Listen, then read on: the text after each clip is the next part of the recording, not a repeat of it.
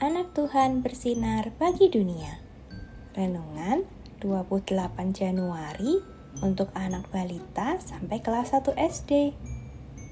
Tuhan berfirman dari Matius 7 ayat 24. Jadi, setiap orang yang mendengar perkataanku ini dan melakukannya, ia bagaikan orang bijaksana yang mendirikan rumahnya di atas batu. Waktunya membaca Alkitab, panggil Papa.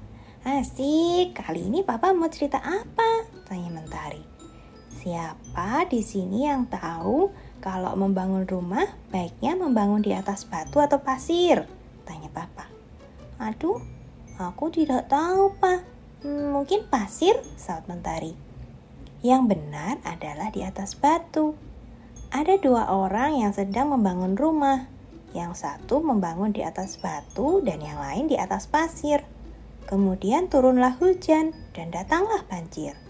Lalu angin melanda rumah itu, tetapi rumah itu tidak roboh sebab didirikan di atas batu. Namun, rumah yang didirikan di atas pasir roboh dan rusak berat, sahut papa. Adik-adik, ternyata dasar yang kuat sangat penting dalam membangun rumah. Hal yang sama yang Tuhan inginkan dalam hidup kita.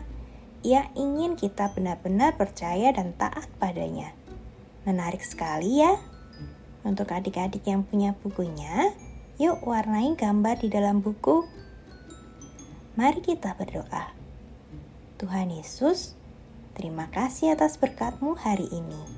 Pimpin aku agar aku dapat tumbuh menjadi anak yang beriman selalu.